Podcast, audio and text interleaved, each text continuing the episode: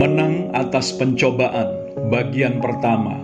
Hari ini saya mau memberikan contoh tentang salah satu pencobaan yang sering kita alami dan bagaimana kita menghadapinya, supaya kita tidak jatuh karena pencobaan tersebut, bahkan menang atasnya. Saya percaya dengan maksud tertentu untuk kebaikan kita umatnya dan kemuliaan kerajaannya, Tuhan mengizinkan kita mengalami pencobaan di dalam Injil Matius 4 ayat 1 sampai 3, kita membaca, maka Yesus dibawa oleh roh ke padang gurun untuk dicobai iblis. Dan setelah berpuasa 40 hari dan 40 malam, akhirnya laparlah Yesus. Lalu datanglah si pencoba itu dan berkata kepadanya, "Jika engkau anak Allah, perintahkanlah supaya batu-batu ini menjadi roti." Jelas sekali dinyatakan bahwa Yesus dibawa oleh roh untuk dicobai oleh iblis. Harap diperhatikan, di sini Yesus yang dicobai oleh iblis adalah Yesus sebagai anak manusia, jadi bukan dalam statusnya sebagai Allah. Sebab menurut Yakobus 1 ayat 13, Allah tidak dapat dicobai oleh yang jahat dan sebaliknya ia sendiri tidak mencobai siapa pun. Tujuan iblis di dalam mencobai Yesus adalah yang pertama, membuat Yesus ragu akan statusnya sebagai anak Allah, lalu tertipu dengan membuktikan statusnya tersebut melalui memenuhi permintaan iblis, menjadikan batu-batu itu roti. Yang kedua, iblis ingin memerangkap Yesus kepada pola berpikir dunia ini bahwa kalau mau diakui sebagai dalam tanda kutip sesuatu dalam hal ini bahwa dia adalah anak Allah, maka harus dibuktikan melalui sebuah perbuatan yang mengherankan. Inilah pola yang iblis gunakan di dunia ini dan telah terbukti memakan banyak korban. Konsep berpikir bahwa seseorang harus membuktikan bahwa dirinya adalah dalam tanda kutip sesuatu yang wah yang hebat melalui tingginya prestasi, status, dan besarnya kekayaan. Demi membuktikan bahwa dirinya adalah sesuatu yang hebat, layak mendapat pujian dan sanjungan, manusia berusaha mencapai prestasi dan status tertentu atau level kekayaan tertentu yang pada akhirnya membuat mereka justru terperangkap ke dalam jerat iblis. Tidak sedikit orang percaya yang menyimpang dari iman karena tergoda untuk membuktikan diri. Bahkan akhirnya mereka menjadi orang-orang yang tertipu sebab setelah mereka sepertinya mendapatkan semuanya itu, ternyata mereka masih saja merasa bukan sesuatu.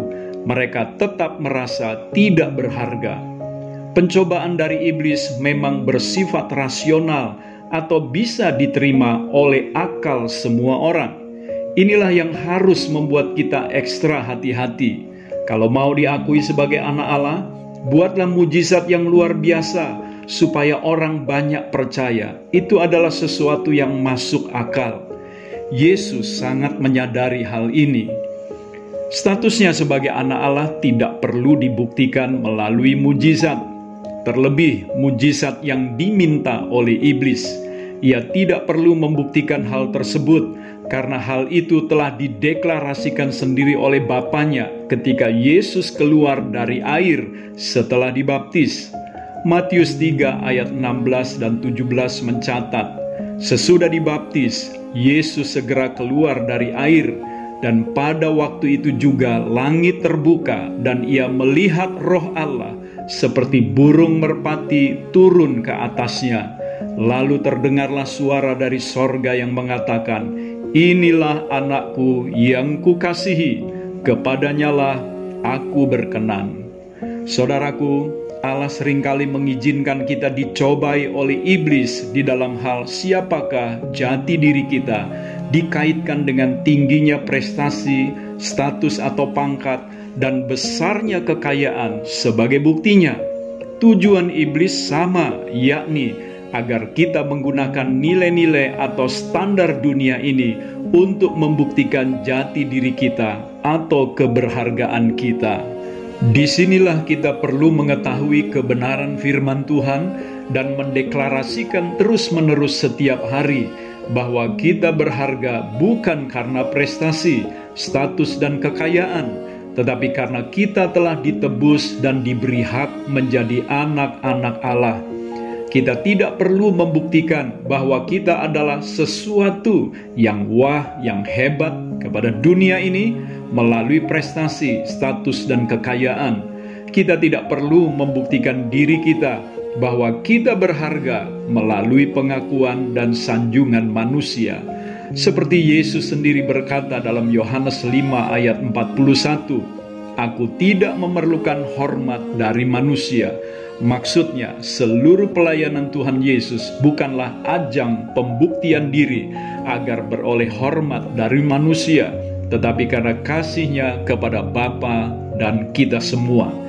Saudaraku, satu hal saja yang perlu kita buktikan, yaitu kasih kita kepada Bapa melalui ketaatan kita kepadanya. Hormat dari Dia saja yang kita cari, dan bukan dari manusia. Jika ini menjadi standar hidup kita, maka kita akan menang atas pencobaan-pencobaan yang dilancarkan oleh iblis. Saya Theo Barahama, mari hadirkan sorga di rumah kita untuk memberkati dunia. Thank you.